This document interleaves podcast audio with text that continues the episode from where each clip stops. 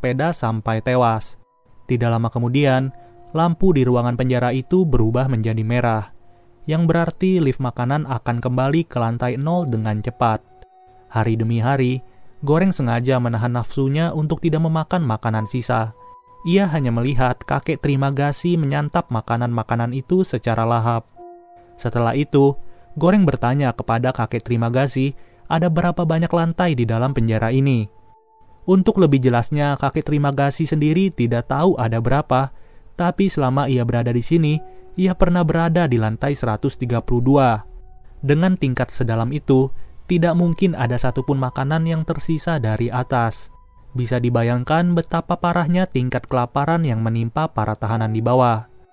Mendengar hal itu, hati nurani goreng menjadi tergerak dan ia berinisiatif untuk memberitahu setiap lantai di atas agar menjatakan makanan setiap harinya. Tapi luar biasanya,